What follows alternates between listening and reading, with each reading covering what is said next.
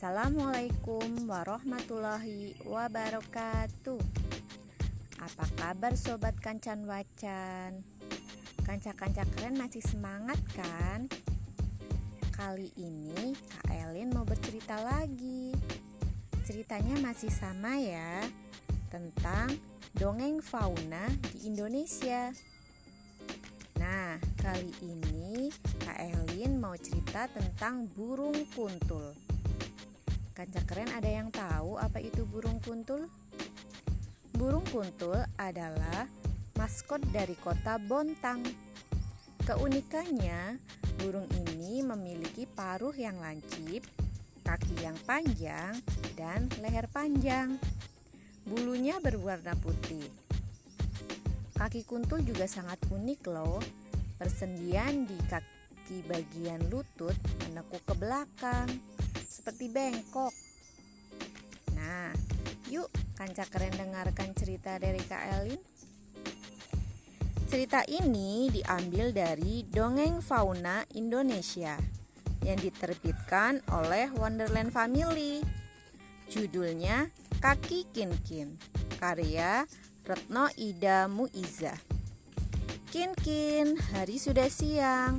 Keluarlah nak, seru ibu. Kin kin menutupi tubuhnya dengan daun. Dia mengintip matahari dengan malu-malu. Kin kin tidak beranjak. Kin kin melihat teman-temannya telah pergi bermain dengan riang. Tapi wajah Kin kin murung sehingga ibunya khawatir. Kin Kin, sudah beberapa hari ini kamu tidak keluar. Ayo nak bermain dengan temanmu, kata ibu seraya mengusap kepala Kin Kin. Kin Kin semakin menundukkan kepalanya.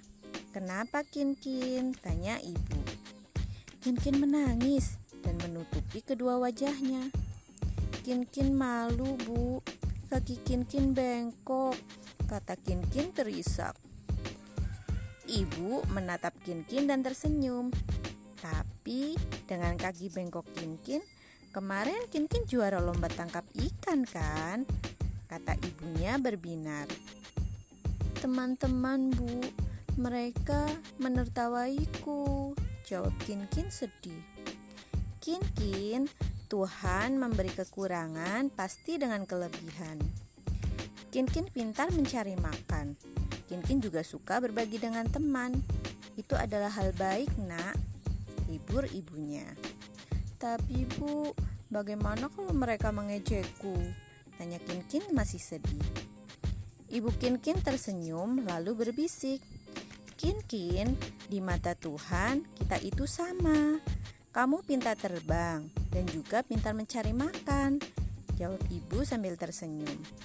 Tapi bu, Kin Kin hebat dan berani. Ibu sangat bangga dengan Kin Kin. Kata ibu meyakinkan lagi.